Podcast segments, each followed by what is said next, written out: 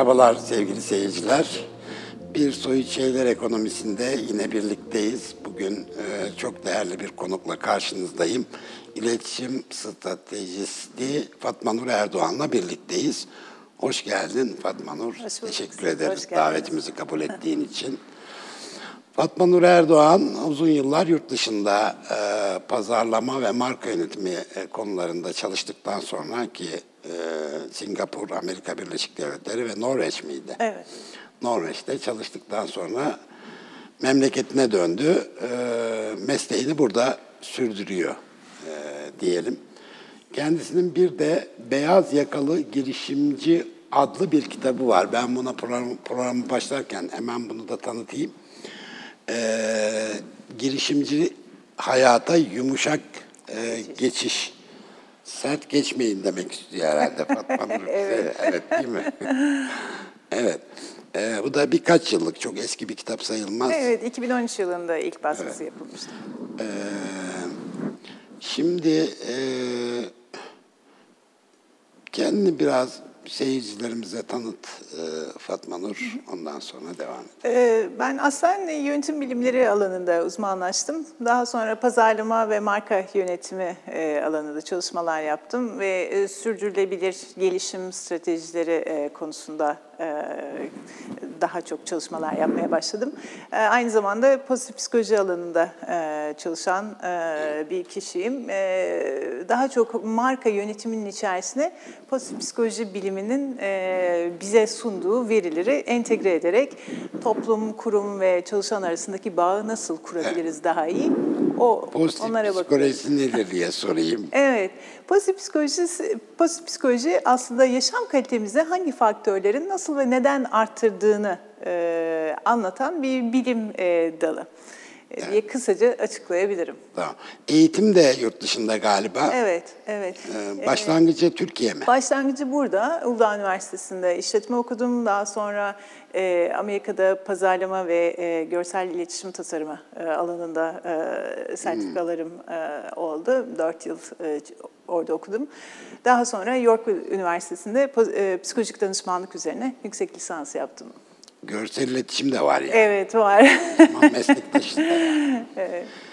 Ee, şöyle demişsin bir e, konuşmanda, benim işim şirketlerin ve kurumların oyunda kalabilmesi için kurumlar, çalışanlar ve toplum arasındaki bağın nasıl olması gerektiğiyle ilgili iletişim temelli çalışmalar yapmak. evet, Yani merkeze iletişimi alıyorsun. evet, Öyle. evet.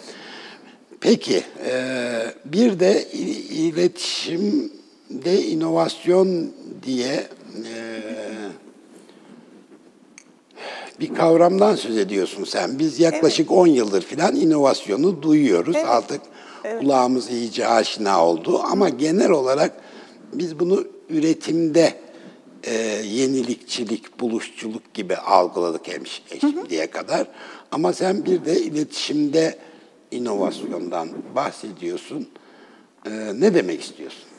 Evet, e, şunu demek istiyorum. Şimdi tüm yenilikler aslında bir yaratıcı düşünce süreçlerinin sonucudur değil mi? İnovasyon da e, bu yaratıcı düşünce süreçlerinin sonunda ortaya çıkan fikirlerin bir şekilde satılabilir ya da kullanılabilir e, ürünler haline getirilmesi. İletişimde inovasyon da yani iletişim, inovasyonun değeri nasıl gel- gelir diye baktığımızda topluma ve ekonomiye yarattığı değerden geliyor. İletişimde inovasyon dediğimiz zaman yine bu e, yaratıcı ve yenilikçi yöntemlerle kalıcı çözümler sunacak şekilde fırsatların ortaya konulmasını anlıyoruz.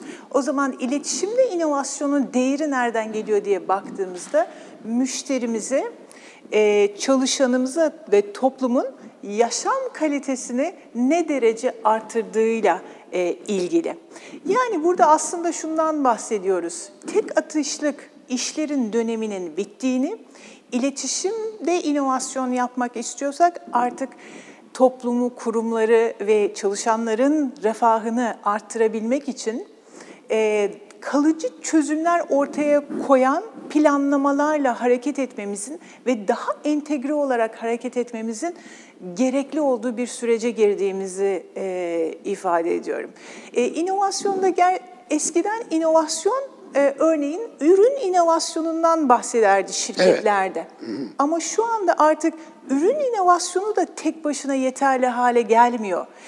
İş modeli inovasyonundan bahsetmek zorundayız. Yani tamamen mental olarak kafa yapımızı değiştirmemiz gerekiyor.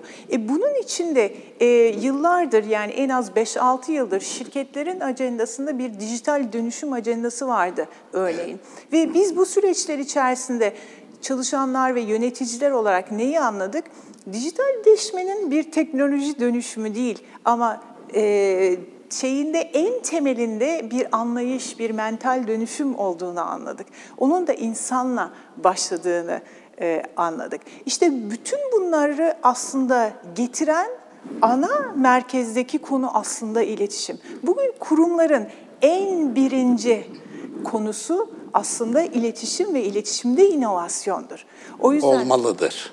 Olmalıdır. yani biz bu e, dalgayı e, güçlü bir şekilde görüyoruz evet. ve Türkiye'deki şirketlerin de oyunda kalabilmesi için artık temelinde kurumsal marka yönetimine ve iletişimine ivedilikle hızlı bir geçiş yapması ve bunu önceliklendirmesinin çok önemli e, olduğunu düşünüyoruz. Peki nasıl yaratılabiliyor iletişimde inovasyon değeri? Ee, şöyle yaratılıyor. Şimdi ne tavsiye edersin yani? Nereden başlamalıyız? Nasıl? Evet hareket e, etmeliyiz. Şimdi çok çeşitli kavramlar ortaya atıldı aslında senelerdir. İşte e, herkes e, konunun bir yerinden tutmaya çalışıyor. Sosyal sorumluluk olsun, sürdürülebilirlik olsun, olsun, bu olsun. Ancak konuya ben birazcık daha işletmelerin nasıl yönetildiğiyle yani son 30 yılda biz nasıl yönetiliyorduk e, ve burada hatalar aslında neredeydi biraz ona değinerek e, girmek isterim. Şimdi baktığınız zaman e, işletmeler e, aslında geçtiğimiz 30 yıl boyunca şöyle bir mantıkla işlediler. E, merkezi operasyonlarını aldılar bir kademe yukarıya çıktık, rekabeti aldılar ve bir kademe yukarıya çıktığımızda da kendi sektörlerindeki hareketleri aldılar. Yani işletmelerin ve işletmelerin içerisindeki e, fokuslanmanın nerede olduğuna bakacak olursanız oldukça dar bir bakış açısıyla hareket ettiler. Yani kendi sektörlerinin ve kendi operasyonlarının dışındaki dinamikleri göremez oldular. Aslında bunun sebeplerinden bir tanesi de bana kalırsa e, ben bunu e, Michael Porter'ın e, beş güç modelinin e, şirketlere çok güçlü bir şekilde e, önermiş olması ve 30 yıl boyunca hep bu modelli kullanarak kaslarımızı çalıştırmış olmamıza bağlıyorum. Bu da ne yaptı? İnsanları dar bir bakış açısıyla bakmaya yönelttiği için farklı sektörlerdeki gelişmelerin bizim kendi şirketimizi ve sektörümüzü nasıl etkilediğini göremez hale geldik. Yani bu acaba zamanın ruhuna uygun muydu yoksa o dönem içinde mi yanlıştı? Ee, 30 yıl Hatta önce... E, Porter'ın şeyi devam ediyor şu anda günümüzde de. Devam etkisi. ediyor ve o etkiyi aslında şu anda kırmaya çalışıyoruz. Çalışıyoruz. Ee, ve kırmak neden zor? Çünkü işi aldığımız insanların kasları da öyle. Öyle. Ve şu anda yani 10 yıldır bu sistemin içerisinde çalışmış bir insanın kasları da bu e, sistemin çarklarıyla işliyor. Yani yeniliği görmek, yeniliği yakaladığı, yakaladığı zaman risk alıp farklı bir tarafa doğru e, gidebilme cesareti kolay bir cesaret değil. Bu yüzden de ben bu dönemi aslında korumacılar ve ilerlemeciler diye yeni bir segmentin oluşacağını da e, öngördüğümü söylemeliyim. Yani bizler eğer değişimi ve dönüşümü geliştirmek istiyorsak o zaman yaratıcı yetenekler genelde mesela girişimci kişiliklerin yaratıcı yetenekleri yüksektir. Çoklu yetenekleri vardır. Şimdi e, işletmeler son 30 yıldır bu tür yetenekleri kendi kurumlarının dışına ittiler.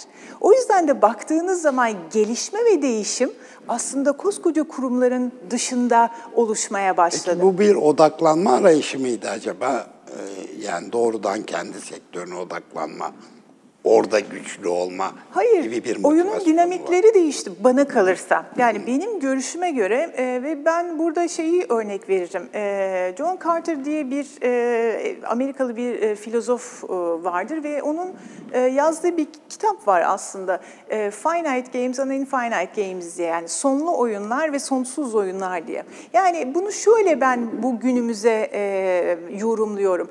Eskiden kazanmak için oynardı şirketler. Yani benim kazanmam için öbür şirketin kaybetmesi gerekirdi. Artık hepimizin ayakta kalabilmesi için hepimizin kazanması gerekiyor. Yani işbirliği neden bu kadar önemli hale geldi? Çünkü hepimiz artık ayakta kalabilmek için bir bağlantılı sistemin içerisinde hareket etmemiz gerekiyor. O zaman eski rekabet anlayışı da Değişti. değişiyor. Evet, değişiyor. Evet, diyelim. değişiyor evet, diyelim. değişiyor. Evet. Evet. Evet, şimdi McLuhan'ın bir e, teknolojik determinizmle bağdaştırılan bir lafı var. Diyor ki biz teknolojiyi yaratırız sonra o bizi yaratmaya devam eder diyor. E, şimdi tabii e, teknoloji bizi dönüştürüyor. Ya daha inşa ediyor onu bile söyleyebiliriz. Bugünün dünyasında bazı iş kolları bu teknolojiler olmasaydı vücuda gelemezdi yani. Varlık bulamazdı. O teknolojiyle oluşmuş iş kolları var. Hem de devasa boyutta yani. Büyük milyar milyar dolarlık büyük e, şirketler oldu aynı zamanda bunlar. Bu teknolojiler olmasaydı bu şirketler de olamazdı. Yani marka adı veremediğimiz için söyleyemiyorum ama hani izleyicilerimiz anlamıştır herhalde. Sadece bu teknolojiyle e, hayata geçebilecek e, şeyler, hizmetler e, diyeyim. E, bu tabii ki iş dünyasında da bir dönüşümü e, getiriyor. Şimdi dijital e, dönüşüm aslında dijitalleşmeye baktığımızda ben şöyle diyorum. Eskinin kırtasiye malzemesinden bir farkı yok dijitalleşmenin aslında.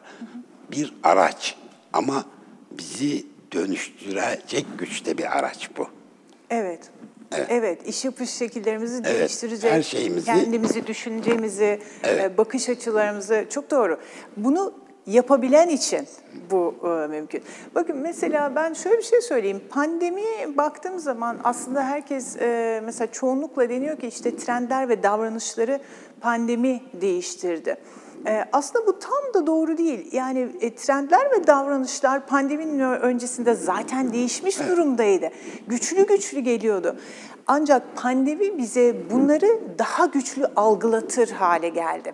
Yani odağımıza koymuyorsak ya e, işte sonra yaparız ya da yapmış olmak için yaparız dediğimiz şeyleri şimdi gerçek manada yapmak, görmek ve kalıcı çözümler üretecek şekilde hareket etmek e, burada bir basınç oluşturdu aslında. Evet. Hızlandırdı yani bunu Evet. söyleyebiliriz. Kesinlikle, kesinlikle. Yani tek sebebi pandemi değil ama e, bir grup insan görüyordu belki, çoğunluk görmüyordu ya da gören görmek istemiyordu.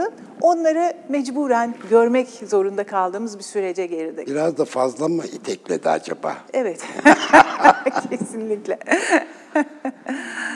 Evet, peki e, ben şöyle derim, bunu sık sık da tekrarlıyorum. Şimdi iletişimi e, tarif ederken bir sürü bir- birçok e, terimin birçok tarifi var. Ama iletişimin şu boyutunu hep kaçırırız. İletişim ontolojik bir olgudur yani varoluşsaldır.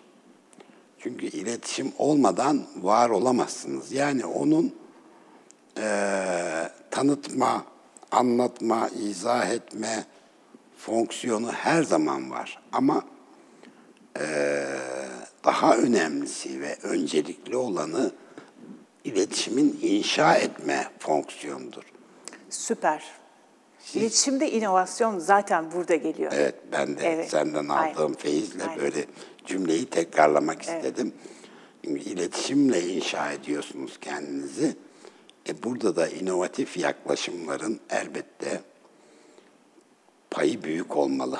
katılıyorum yani sana. Kesinlikle. Çünkü şöyle söyleyelim. Bakın artık e, şirketler sosyal şirket e, olma yolculuğuna girdiler. Sosyal markalar inşa etmeye çalışıyoruz değil mi? İşte anlam yaratmaya çalışıyoruz. Bunların hepsinin en temelinde yaşam kalitesi odağını artık merkezimize koymak zorundayız. Ve yaşam yaşam kalitesi dediğimiz şey nedir diye soracak olursanız aslında idealimizdeki yaşam ile yaşam koşullarımız arasındaki farkın küçük olması anlamına gelir. Yani Nasıl yapacağız onun tamam e, da? evet, aslında bu yaşam kalitesi alanı e, çok uzun yıllardır çalışılan ama bizlerin gündeminde ya da yönetsel olarak planlamalarımızın içerisine girmemiş olan bir kavramdı.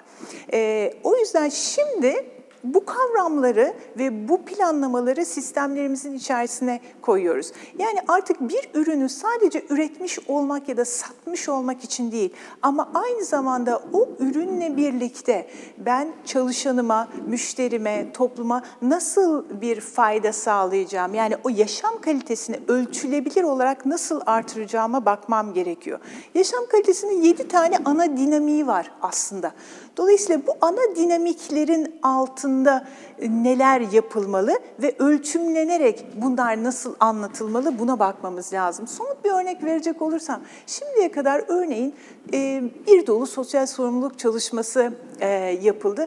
Ama bunların birçoğu da aslında çok da işe yaramayan, bir etkisi olmayan, yapmış olmak için yapmış olunan çalışmalardı. Şimdi bunlardan vazgeçip daha planlı hale gelmeye çalışıyoruz. Örneğin işte 5 bin lira verdim, 50 çocuk okuttum. Bir basın bülteniyle bunu duyurmak bir iletişim değil. Bunlardan çıkmamız gerekiyor. Yani 500 lira verip 50 çocuğu okutmak da bir proje değil. Bunlardan da çıkmamız gerekiyor. Yani bir projenin proje olması için belli kriterleri e, toplaması lazım. Bu planlı yaptığımız, kalıcı çözümler sunacak şekilde planlı yaptığımız çalışmalar aynı zamanda bizim şirket olarak da iletişimimizde momentumumuzu sağlamamızı e, teşvik edecektir. Yani biri tek atışlık bir işse siz planlı bir, uzun dönemli bir iş yapıyorsanız o zaman entegre bir şekilde onun iletişimini de güçlü güçlü yapabilirsiniz ve sonunda da yani fa, e, varsayımlarla konuşmak yerine gerçek verilerle konuşabilirsiniz. Yani diyebilirsiniz ki ben iki yıl içerisinde şu e, çalışanlarımın ya da toplumun yaşam kalitesini şu noktadan şu noktaya getirebildim dersiniz. Yani nasıl işletmelerde ölçemediğimiz şeyin üzerine bir şey koyamıyorsak iletişimde de aynı şey e, geçerlidir. Ve bugün günümüzde kurum işte sürdürülebilirliğin temeli kurumsal marka yönetimine geliyor aslında. Sosyal şirket olabilmenin temeli kurumsal marka yönetimini anlamaktan e, geçiyor. O yüzden kurumsal markalarımızı nasıl iyi yönetirsek o kadar da güçlü iletişimini yapabiliriz. Ve burada da biz iletişimcilerin üzerine çok büyük görev düşüyor. Çünkü bu yönlendirmeleri aslında yapabilecek kitle e, bu kitle birazcık daha geniş perspektiften bakan, sadece tek bir alanla değil, dünya ile birazcık daha bütünleşmiş e, bu kişilerin e, daha güçlü rol almasının çok önemli olduğunu düşünüyorum. Şöyle de bir e, örnek vereyim. Yani bugün dünyadaki şirketlere de bakacak olursanız Ürün iletişimleri evet tabii ki her zaman yapılacak ama artık markaların markalara olan güven, şirketlere olan güven nereden geliyor? Kurumunun anlatımından yani kurumunu ne derece güçlü anlatıyorsanız, ne derece güçlü işler yapıyorsanız güven duygusu o derece e, yükseliyor. O yüzden kurumunuzu nasıl anlattığınız, nasıl yönettiğiniz çok daha önemli bir e, hale gelmiş durumda. Ama şöyle de e, olabilir zaman zaman. E, markaların arkasındaki kurumlar kendini göstermeyebilir ama o marka kendi gücüyle zaten bu fonksiyonu icra ediyordu olabilir diye düşünüyorum ben. Şimdi bu artık tek başına mümkün olmuyor. Yani mono brand olmadığını düşünelim. Yani e, yukarıda bir e, üst markanız var, altta da bir sürü ürün markanız olduğunu düşünelim. Artık birbirinizden kopuk iş yapamazsınız. Çünkü temel markanın nasıl işlediği o alt markaları o kadar çok etkiler hale geldi ki. O yüzden bir bütünlük halinde çalışmak zorunlu. Muhakkak buna katılıyorum. Yani, yani sonuç itibariyle bir ekosistem oluşturuyor kurum. Evet, Bu evet. ekosistem içinde yaşam bulan, e, hayat bulan, e, öncelikle filizlenen sonra hayat bulan markalar e, bu ekosistemin kendilerine sağladığı imkanlar doğrultusunda kendilerini geliştirebilirler. Sadece bu değil, aynı zamanda kendi varlıkları da, varlıkların da, da kendilerine yükledikleri anlamda yine bu ekosistem içinde gerçekleşebilir. Evet. Buna katılıyorum ama yine de tek markalar, tek güçlü kült markalar olabilir diye düşünüyorum. Yoksa bunların zamanı geçti mi? Bazı kült markalar var bugün de arkasındaki Ürün şeyi- markasından mı Tabii bahsediyorsunuz? tabii ürün Ha, markasından evet. bahsediyorum. Arkasındaki kurumu biz bilmiyoruz ama çok güçlü. İşte o dönemler artık bitecek. Ben onun Bitecek, e, orayı evet, geçiyoruz Evet, diyorsun. onun Hı, evet tamam. artık mümkün olamayacağı bir döneme girmiş e, durumdayız. Yani bunun artık geriye doğru gidişi yok. E, çünkü e, eğer e, insan bakın dünyada bir anlam arayışı, mutluluk arayışı yükseldi. İnsanlar Evet. daha mutlu olmak istiyorlar, daha sağlıklı olmak istiyorlar, yaşam kalitelerini yükseltmek istiyorlar. Bunların bir sebepleri var. Yani bazı sebepleri bizim kontrol edebildiğimiz sebepler, bazı sebepler de makro ve bizim kontrolümüzün dışında hepimizi aynı anda etkileyen e, sebepler. Yani mesela kentleşmeydi, nüfus artışıydı ya da teknolojinin hızı. Bunlar daha makro düzeydeki şeyler. Bizim çok fazla etkimiz yok ama etkileniyoruz. Hepimiz etkileniyoruz. Tabii. O yüzden öyle bir gidişat var ki artık e, bağlı olduğunuz kurumun e, işlerini nasıl yaptığı ve kendini nasıl anlattığı marka e, diğer işte sizin küt marka dediğiniz o markalardan ayrışık olarak gidemeyecek. Çünkü her şeyin çok sorgulanmaya başladığı bir dönemdeyiz. Her şey e, sorgulanıyor ve iyi iş yapmaya doğru gidiliyor. Şöyle de bir e, mesela örnek e, vereyim. Öyle bir aynılaşma dönemi oldu ki aslında yani artık ürünler kendilerini e, diğer rakiplerinden ayrıştıramaz hale geldiler. Bir gofret markası düşünün. E, diyelim e, fındıklı bir e, gofret alacaksınız. Üç tane farklı e, kafanızda marka canlandırın. Üçünün e, paketlemesi aynı, renkleri aynı, fiyat noktaları aynı, e tatları da üç aşağı beş yukarı aynı. Ya da aklınıza üç tane e-ticaret sitesi getirin mesela. E, pazar yeri modeli olduğunu düşünelim. E, pazar yeri mo- modelleri aynı. İçinde çalıştırdıkları e, şeyler aynı, şirketler aynı. Şirketlerin sundukları ürünler aynı. Ürünlerin fiyat noktaları çok benzer.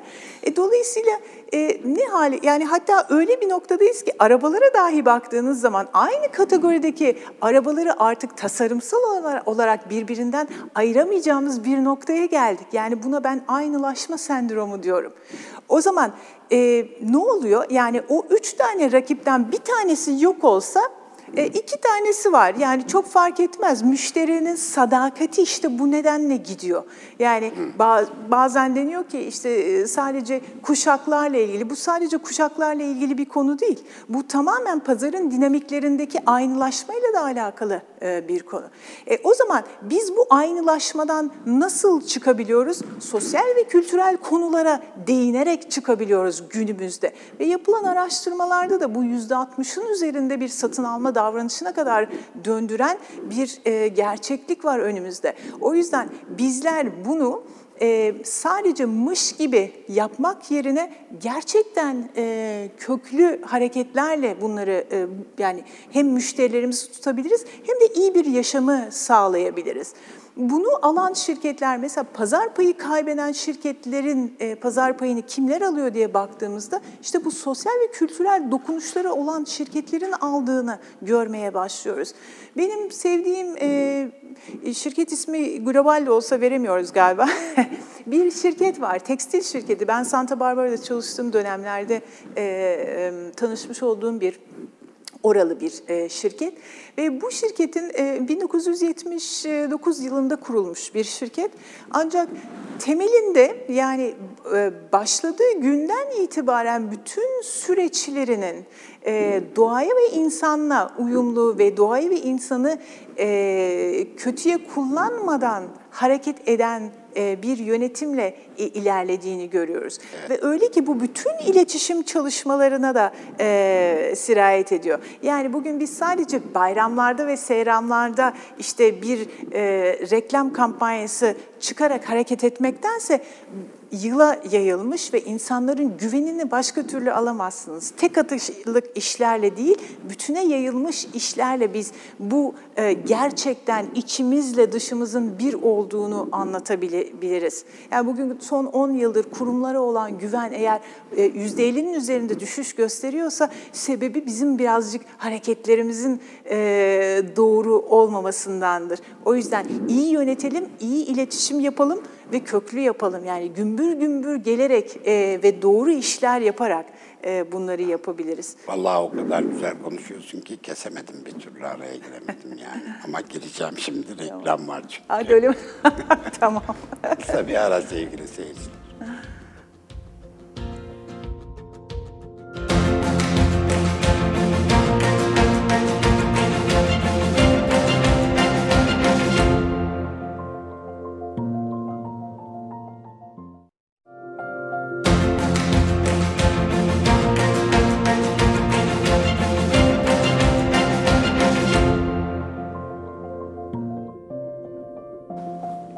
Tekrar merhabalar sevgili seyirciler. İletişim stratejisti Fatma Nur Erdoğan'la birlikteyiz. Şimdi Fatma Nur, as, anlam yaratan markalar. Biz bu programda yani Soyut Şeyler Ekonomisi'nde de birkaç konuğumuzla bu konulara değindik. Biraz bunu genişletelim çünkü senin ilk bölümde konuştuklarınla da doğrudan bağlantısı var zaten. Zaman zaman e, değindin. E, ne dersin bu konuda? Ee, şimdi şöyle aslında bu... Önce nedir, sonra da nasıl yapabiliriz? Bu benim iletişim ve inşa şeyine de biraz giriyor gibi geliyor hı hı. bana. Tabii. Evet. Ee, şöyle aslında çok çeşitli kelimeler kullanılıyor. Yani ben buna sosyal şirketler, evet. sosyal markalar diyorum. Ee, kimisi işte anlam yaratan şirketler diyor. Ee, kimisi e, misyonu olan Amaç. şirketler, e, amacı olan şirketler diyor. Bunların hepsi aslında aynı e, şeye geliyor. Hı. Bunların ortak e, şeyi, e, anlayışı aslında... E, yaşam kalitemizi nasıl artırabiliriz? En temelinde yani bütün eğer bir modelleme yapılacak olursa temeline yaşam kalitesini koymak zorunda e, olduğumuz şeyler. Burada da o zaman bize strateji ve planlamanın ve modellemenin ne kadar önemli olduğunu gösteriyor. Çünkü daha önceleri biz ne yapıyorduk? Fikir bazlı işler yapıyorduk. Aklımıza bir fikir geliyordu. Hadi bir fikrimiz geldi deyip bir şey, bir proje yapıyorduk. O zaman birbirinden kopuk işler e, oluyordu ve e, bir bütünlüğü olmadığı zaman etkisi de kuvvetli olmuyordu. O zaman bir e, biz şirket olarak anlam yaratmak istiyorsak öncelikle o anlamı nerede yaratmak istediğimizi bulmalıyız. Yani müşterimizin e, ne istediğine, çalışanımızın ne istediğine, toplumun ne istediğine bakmamız gerekiyor. Evet. Yani bugün bir ürünü ürettiğimiz zaman bu ürün artık sadece e, müşterinin ürünü değil, aynı zamanda çalışanın ve toplumun da. Yani eskiden mesela paydaş şeylerine, çalışmalarına bakıldığı zaman toplum genelde hep son halkalarda olurdu. Ben aslında şu anda toplumu e, ana halka içerisine koyuyorum. Çünkü birçok değişim yani müşteriniz de çalışanınız da aslında toplumun bir parçası ve bugün toplumun değerleriyle yükselen e, çalışmalar çok daha önemli hale geliyor. Yani sizin artık aktivist şirketler, aktivist CEO'lardan bahsettiğimiz bir dönemin içerisindeysek o zaman gerçekten bir derdimizin olması ve o dertle dertlenerek e, bir anlam yaratma ve topluma fayda sağlama e, günümüzün olması gerekiyor. E, bu e, 2019 yılında Amerika'da enteresan bir e, toplantı oldu. E, siz de biliyorsunuz. 181 tane e, Amerika'nın en büyük şirketinin CEO'su e, bir manifesto imzaladı. Ve bu manifesto şunu söylüyordu. Bizler artık sadece hissedarlarımıza e, kar sağlamak için e, burada değiliz. Aynı zamanda müşterimizin, çalışanımızın ve toplumun refahını ve yaşam kalitesini arttırmak için de çalışmaya and içiyoruz. Bu bir manifestoydu ve imzalandı. Bu önemlidir e, bana göre. Çünkü bu kadar Tabii. büyük şirketlerin CEO'su e, bir şeyi görüyor demektir. Yani belki kişisel olarak hissediyorlar, belki de toplumun baskılarını giderek daha fazla hissetmeye başlıyorlar. Bu yüzden de e, anlam yaratabilmek e, kolay bir şey değil. Mutlu olabilmek de kolay bir şey değil. Şirketler e, bundan birkaç e, yıl önce mutluluk e, oyunlarına girmeye başladılar. İşte mutlu çalışan yaratmak istediler, mutluluğa odaklanmak istediler. Bunlar geri tepti. Çünkü mutluluk çok da kolay bir şey değildir. Artı uçucu da bir şeydir. Ama yaşam kalitesi üzerine modellediğiniz her şey kalıcı çözüm sunacaktır ve size e, anlamlı bir mutluluk olarak da gelecektir. E, mutluluk konusunda kısaca iki şeyi açıklamakta tabii, tabii. fayda görüyorum. Şimdi mutluluk dediğimiz zaman aslında biz iki şeye bakıyoruz. Birincisi geçici, hazı, hazı dayalı e, mutluluk deneyimlere dayanan hedonik mutluluk. Bir diğeri de eudaimonik dediğimiz anlam e, yaratan mutluluklar. Yani anlamlı amaçlar doğrultusunda hareket ettiğimiz zaman elde ettiğimiz e, mutluluk. Şimdi bu tarafa gittiğimiz zaman bize geçici mutluluklar verir ve aslında markaların yaptığı çalışmalara baktığımız zaman, e, geçmişe baktığımız zaman hep bu hazza dayalı bir mutluluk e, arayışı içerisinde hareket eden e, markalar e, ve çalışanlar vardı.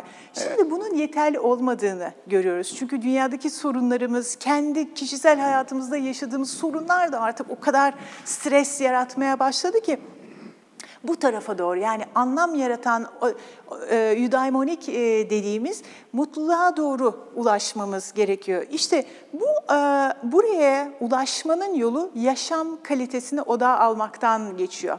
Ne demiştik yaşam kalitesi için? E, idealimizdeki yaşam ile yaşam koşullarımız arasındaki farkın düşük olması ve yaşamımız hakkında bir değerlendirme yaptığımız zaman bilişsel olarak e, yaşamımızı olumlu olarak değerlendirmemiz işte bu tür mutluluğu getiriyor. O yüzden e, ismine ister sosyal e, şirket deyin, ister işte e, misyonlu şirket, ister anlamlı ne derseniz deyin. En temeline yaşam kalitesi modellemesini koymak zorundasınız. Yani bütün stratejilerinizin ve planlamalarınızın sadece iletişimde değil, yönetsel olarak da bütün çalışmalarınızın temeline bunu koymalısınız ki bunun anlatımını, hikayeleştirilmesini, iletişimini e, ve gerçek katkısını da hep birlikte görebilelim. Yani bunu aslında başarabilecek olan şirketler ki e, epey bir geçtiğimiz 10 yıl içerisinde bu alanda çalışan e, epey uluslararası e, şirketler de var. Bunların ileride bunu doğru yapan şirketlerin gerçekten bir benchmark olarak e, diğer şirketlere rol model e, olacağını çok e, net olarak söyleyebiliriz. Evet bu Amerika'daki e, giyim e, markasından sık sık e, bahsediliyor, evet. Gerçekten bir rol model pozisyonu elde etmiş durumda bugün itibariyle.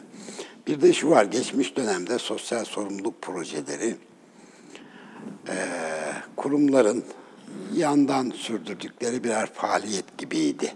Gibiydi değil, tam olarak öyleydi bunlar. Ee, bu nedenle de organik durmuyordu. Evet bir şey yapalım. İşte şurada kadın hakları ile ilgili bir faaliyetimiz olsun. Buna biraz destek verelim. Veya şu sinema filminde bizim de adımız görünsün. Ee, falan gibi. Yani çok da kurumla organik entegrasyonu olmayan faaliyetlerdi ve bu devam ediyor hala. Ee, bunları da hemen e, kötülemeyelim. Onlar da iyi girişimlerdi sonuç itibariyle ama en önemli sorunu bunların samimiyet sorunuydu. Yani şirketle bu anlamda bir ilişkisi olmadığında şirketin kendi öz varlığından kaynaklı bir tırnak içinde kullanayım iyilik değilse bunlar e, çok göze batıyordu yani işte e, şirkette veya kurum marka her neyse böyle bir destekte bulunmuş. İşte bunun vergi avantajları falan gibi. gibi duruyordu. Hayırseverlik gibi aynen aynen öyleydi. Şimdi sen bunun şirketin bütününü kuşatması gerektiğini söylüyorsun. Ee, yani e, öyle olması gerekiyor çünkü başka çözümü yok.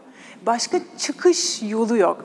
Ee, bir bütünleşmeli, iki de doğru strateji ve planlamayla hareket etmeli. Yani e, bütünleşen işi de plansız yaptığınız zaman bir sonuca varamayacaksınız. Ve e, özellikle mesela Türkiye'deki şirketlere bakacak olursanız gerçekten iyi niyetli şirketler var. Yani birçok fonları var, e, emek harcamak istiyorlar. Öyleyse eğer bütçemiz varsa, e, şeyimiz de varsa, niyetimiz de varsa o zaman bunları kalıcı çözümler üretecek şekilde kullanmalı ve planlamalıyız. Hem kendi şirketimizin marka değerini yükseltebilmek için hem çalışanımızı ve toplumumuzu da bizimle birlikte yukarıya kaldırabilmek için. Bu artık e, başka çıkış yolunun olmadığını e, görüyorum ben. E, yani sosyal sorumluluk dediğimiz zaman şöyle e, oluyor. Yani mesela şöyle bir örnek vermek isterim. Diyelim ki biz yine tekstil örneğinden gelelim. Siz bir tekstil şirketisiniz ve bir mağazanız var.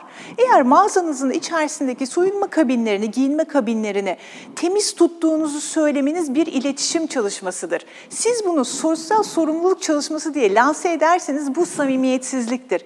Ve samimiyetsizlik çok hızlı anlaşılır. Çünkü samimiyeti taklit edemezsiniz. O yüzden ve bu dönemlerde her şeyin bu kadar görünür olduğu, insanların artık ellerinin altında teknoloji olup kıyaslama yapabildikleri, neyin doğru neyin yanlış oldukları konusunda birazcık Evet, daha fazla şeyleri oldu. şeffaflaştık. Şeffa, e, evet olduğu böyle bir dönem içerisinde o yüzden bizler kurumlar olarak yani güven sağlayabilmek zorundayız. Bunu da eğer iletişim çalışması yapıyorsak iletişim çalışması olarak tutalım. Ama sosyal sorumluluk çalışması yapmak istiyorsak bunu doğru planlayıp gerçekten e, sonuçlarıyla birlikte aktarmayı deneyelim ve ikisini birbirine karıştırmayalım. Şimdi çünkü biz eğer bu işi doğru yapmazsak o zaman bizim gibi profesyonel olmayan herhangi birisi bunu fark ediyorsa o zaman çok kötü bir duruma düşüyoruz. Algımız düşüyor, güven düşüyor, itibarımız, her şeyimiz aşağı iniyor ve biz bunu yapmak istemiyoruz değil mi? Şirketlerin daha güçlenmesi, çalışanın daha güçlenmesi, toplumun da onunla birlikte güçlenmesini istiyoruz. Yani Hele- ben senin söylediklerinden aslında şuraya vardırıyorum, şöyle toparlıyorum zihnimde. Artık sosyal sorumluluk projelerinden değil, doğrudan sosyal sorumlu markalardan ya da Aynen. kurumlardan Tabii. söz etmeliyiz. Aynen, aynen. O zaten marka sosyal e, sorumlu marka olursa zaten onun her türlü iyiliği, güzelliği çevresine yansıyacaktır doğal olarak. Tabii ki, tabii ki. Bakın bir araştırma yapılmış, uluslararası bir araştırma bu iki yıl e, öncesinden.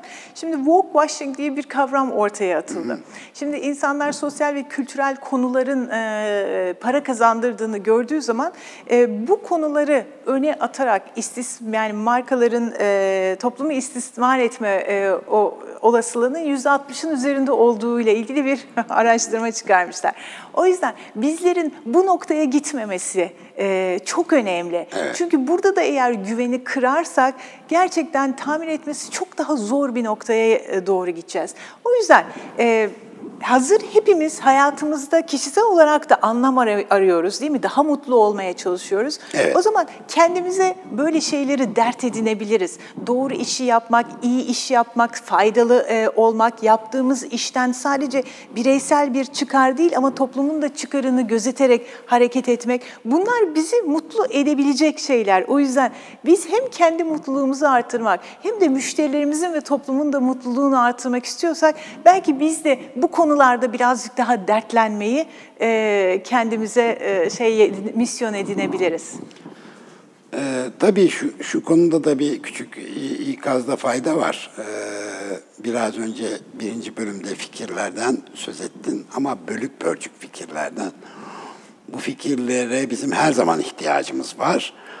Ama stratejik olarak Evet. hangileri işimize yarıyor, hangileri bu stratejinin bir parçası olabilir diye bakmamız, bakmamız lazım. lazım. Çünkü bakın Şeyde. strateji çok önemli. Yani bazen e, stratejiye ve planlamaya çok önem e, e, vermeyen bir e, yapımız e, olabiliyor ülke olarak. Ancak bir fikrin doğru olup olmadığını size stratejiniz verir. Öyle değil mi? O zaman stratejiniz yoksa yani 50 tane fikrin içerisinden hangisini neden yapmanız gerektiğini bilemezsiniz ve e, doğru fikri de seçebilirsiniz. Şans eseri. Şans yanlış eseri. fikri de seçebilirsiniz. O yüzden strateji ve planlama çok daha önemli bir hale geliyor. Yani bu pandemi sürecinde de biz aslında zaten bunu gö- e, gördük. Operasyonel işlere ağırlık veren şirketlerin bu dönemi strateji ve planlamaya e, ayırarak önümüzdeki yılları daha kuvvetli geçirebilmek için neden stratejik hareket etmesi gerektiğini çok daha iyi anlamaya başladıklarını da görüyoruz. O yüzden biz de iletişimciler olarak ya da iletişimde inovasyon yapabilmek için, yeni fikirleri, yeni yenilikleri düşünebilmek için ve ismimizi yani bu süreç içerisinde şirketleri yukarıya kaldırabilmek için daha güçlü o, e, olarak şirketlere destek vermeye devam etmemiz gerekiyor. İletişimciler çok önemli. Evet. Peki sana şöyle bir e, soru sorayım. Kurumlar diyoruz, markalar diyoruz. Peki bu bütün bu fikirleri, bu konuştuklarımızı ülkelere uygularsak nasıl bir fotoğrafla karşı karşıya kalırız? Yani sosyal sor- sosyal sorumlu marka dedik ya. Sosyal sorumlu ülke dediğimizde aslında bütün e, e, küreyi kapsayan bir bakış açısı ortaya. Ortaya çıkıyor. Ee, ülke markalaşmasındaki soyut şeyler ekonomisi olarak biz ülke markalaşması Türkiye markalı Türkiye'nin dünyada itibarlı bir marka olması konusunda birçok dostumuzla birçok konuğumuzla e, burada yine sohbetlerimiz oldu. Ama senin bu söylediklerinden yola çıkarak bir yeni e, modelleme yapıldığında ülkeler içinde çok kıymetli fikirler olduğunu düşünüyorum. Bunların ne dersin? Ee, kesinlikle. Ee, şöyle söyleyeyim, aslında bunlar öyle iç içe girmiş konseptler ki, e, yani siz e, toplumun ya da çalışanınızın e, ya da kurumunuzun yaşam kalitesini e, içinde bulunduğunuz toplumun e, yaşam kalitesinden bağımsız olarak zaten e, yükseltemezsiniz. Hepsi el ele giden şeyler. Ama çok uzun zamandır artık biliyoruz ki yani toplumsal sorunlar o kadar e, büyük hale geldi ki devletler tek başına bu sorunların altından kalkamıyorlar. O yüzden e, toplumla birlikte, kurumlar, özel sektörle birlikte e, ve devletin el ele hareket ederek de bunu güçlendirmesi gerekiyor. Fakat şöyle bir şey söyleyeyim. Şimdi yaşam kalitesi alanında yapılan e, çalışmalara baktığımız zaman yani bizlerin e, kalitesini neler e, daha çok yukarıya çıkartıyor diye baktığımızda güvenin çok önemli bir e, faktör olduğunu görüyoruz. Bu Danimarka gibi mutluluk araştırmalarında hep senelerdir bir numarada olan Norveç gibi ülkelerde yüzde 90'ın üzerinde bir e, kişiler arası güven e, rakamının olduğunu biliriz. İşte Rusya'ya gittiğiniz zaman yüzde 30'lara iner. Türkiye gibi ülkelere geldiğimiz zaman şu anki son durum ne bilmiyorum ama bundan birkaç yıl önceye kadar yüzde 10'larda olduğunu e, görüyoruz. Birbirimize duyduğumuz güvenden Evet, ediyoruz. kişiler arası güven. Çok Şimdi, düşük. Bu çok düşük bir rakam. Eğer Beni şaşırttı. Daha fazla olmasını beklerdim ben. hadi birazcık daha yüksek olsun diyelim yine de çok yüksek değil. Ee, Evet, o yüzden bu çok %90'larla ciddidir. Yani iki insanın birbirine olan güveninin bu kadar düşük olduğu bir ortamın içerisinde işbirliği yapmak zordur. Ee, insanlara takım olun demek zordur. Bir yere liderlik yapabilmek zordur. Yani her şeyi karmaşıklaştıran bir nokta. O zaman Doğru. bizler bu güvenin artabilmesi için yani bunun da tabii ki elimizde bir sürü doneler var, bir sürü araştırmalar var. Yıllar 30 yıldır yapılan bir sürü çalışmalar var. Şimdi o zaman bunları önümüze serip e, planlı ve paralel bir şekilde biz bu güveni nasıl yükseltebiliriz? Hep birlikte bunun için nasıl çalışabiliriz?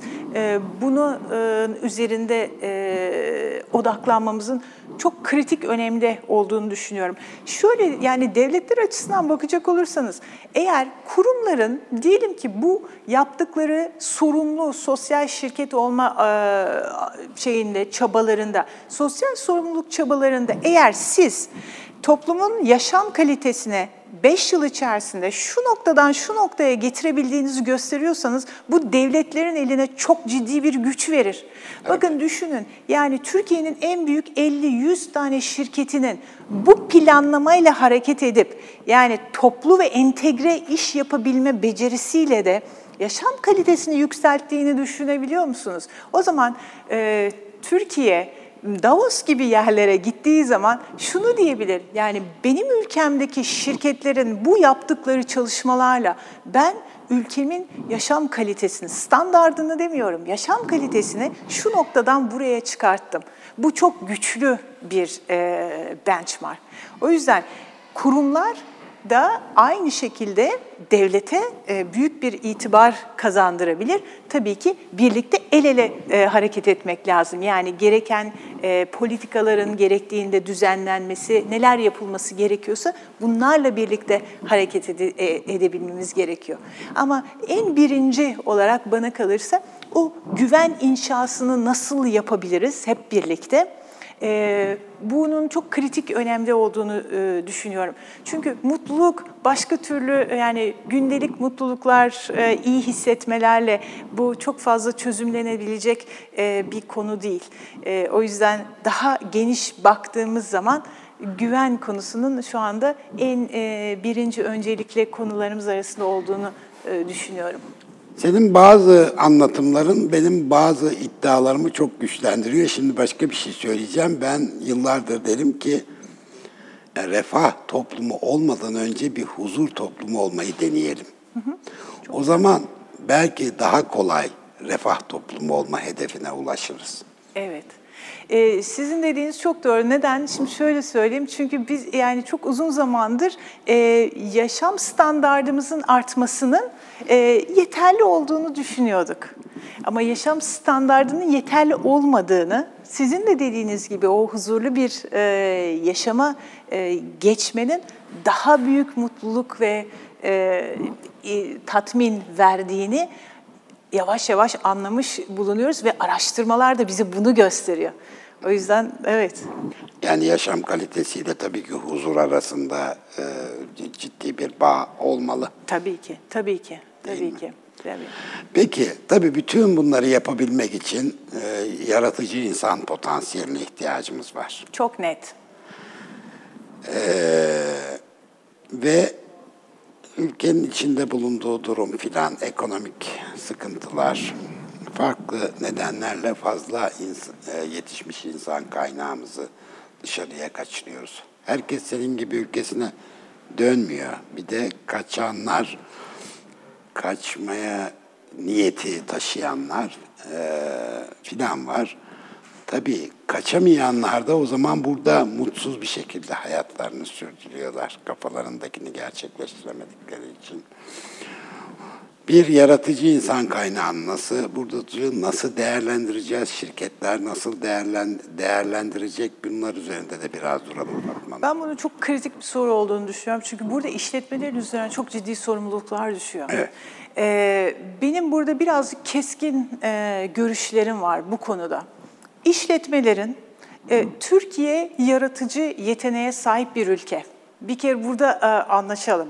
Türkiye'de yaratıcı yetenekler var. Potansiyel olarak Potansiyel var. olarak evet. yaratıcı yeteneği olan bir ülkeyiz. Artı artık global bir dünyada sadece Türkiye ile de sınırlı değiliz. Yani eğer eksik bir yetenek varsa onu doldurabileceğimiz kocaman bir dünyamız da var. Şimdi bu ikincisi ama içeriye gelecek olursak Şimdi bizler bu yarı, yani DNA'sında kişilik özelliği olarak yaratıcı yetenekli olan genelde girişimci kişilikler bu tür yaratıcı yeteneklerle çok e, paralellik gösterir. Bu kişileri bünyemize almayı öğrenmek zorundayız. Öğrenemiyoruz. Neden? Çünkü çünkü kurumlar sürekli kendi çalışma sistemlerini, düşünme sistemlerini, hareket etme sistemlerini bu kişilere dayatıyorlar. Bu kişiler sizin çalıştığınız şekilde çalışmıyor. Çalışmayacaklar. Dünyanın hiçbir döneminde, hiçbir yerinde bu şekilde hareket etmezler. O yüzden de siz bu insanlarla eğer kurumunuz içerisinde çalışamıyorsunuz, dışında çalışmayı öğrenmek zorundasınız. Yani değişiklik ve esneklik bakın bugün işletmeler diyorlar ki işte esnek ve çevik e, yapıya sahip insan arıyorum ama sizler esnek değilsiniz, çevik değilsiniz. Öyleyse bu yaratıcı yeteneklerin size bir şey anlatabilmesi, anlattığını da an- sizin anlamanız zaman alıyor. Öyleyse birazcık daha belki iş işletmeler kafa yapılarını değiştirmeli ve bu insanlara daha fazla e, dikkat kesilmeli. Eğer anlamadığınız bir şey varsa risk almayı öğrenmek zorundayız ve bu insanların hareketlerini, önerilerini hayata geçirme riskini alabilmeliyiz. Bu Evet. cesarete sahip O olabilmeliyiz. zaman yaratıcı yeteneklerle birlikte çalışma da ayrı bir yetenek gerektiriyor. Kesinlikle ve bunda işletmeler bu yeteneğe sahip olması gerekiyor artık. Bu yetkinlikleri yok işletmeleri. İşe al yani işe alımlar e, ya da e, yönetim biçimleri o kadar eski dönemden kalmış ki bu dönemde işe yaramıyor ve siz bu İnsan şekilde kaynakları da öyle. Evet bu şekilde davranırsanız o zaman yenilikleri içeceksiniz ve e, yok olma tehlikesiyle karşı karşı, karşı e, karşınızda kalacak. Çünkü sürekli satın almayla büyüyemezsiniz bir yere kadar. Yani baktığınız zaman tamam yenilik gelmiş satın alın hızlı çözümdür ama nereye kadar? E, e, o yüzden eğer siz bu insanlarla çalışma modellerinizi, çalışma sistemlerinizi e, yapamazsanız, yani bunu da bir iş modeli, inovasyonu olarak düşünebilirsiniz belki, e, o zaman çok zorlanacaksınız. Çünkü bu insanlar artık sizin e, 40 yıl öncesinden kalmış işletme anlayışlarınızın içerisinde çürümek istemiyorlar. Zaten neden çürüsünler ki? Bakın yetenekli insanı her yere koyun, her yerde yeşerir. Eğer yeşeremiyorsa da kendisini mutlu edecek, üretken olacak bir yolunu, çözümünü bulur. Buna sahip olmayan e, kişilikteki insanlarda sorun yaşarsınız. Öbür taraflarda çok az sorun yaşarsınız. Kendi sorununu çözebilen, düştüğünde kalkabilen insandır girişimci, yaratıcı yetenek. Onlarda böyle kaslar var. Yani bunlar kendi şeylerinde, yani kendi kişiliklerinde, davranış modelleri de o yüzden... E, uyum sağlamaz her zaman. Ama o zaman öğrenmemiz gerekiyor. Evet. Yani eğer bugün e, dünyada işletmeler çeşitlilikten bahsediyorsa buyurun size çeşitlilik. Çeşitlilik sadece e, nasıl diyeyim yani e, cinsel yöneliminiz de e, anlatılmıyor. Aynı zamanda hareket tarzınız, düşünce tarzınız da bir çeşitliliktir. Öyleyse iddia ettiğimiz yani olduğumuz şeyi gösterebilmemiz lazım. Bunlar önemli e, şeyler. Ağzına önemli. sağlık. Çok teşekkür ben ediyorum. Ben teşekkür ederim. ee, güzel şeyler konuştuk. Faydalı oldu. Ee, te- teşekkür ediyorum. Ben teşekkür ederim. Evet, sevgili seyirciler, e, iletişim stratejisi Fatma Nur Erdoğan'la sohbetimiz bitti. Haftaya yine burada olacağız. Bekleriz. Müzik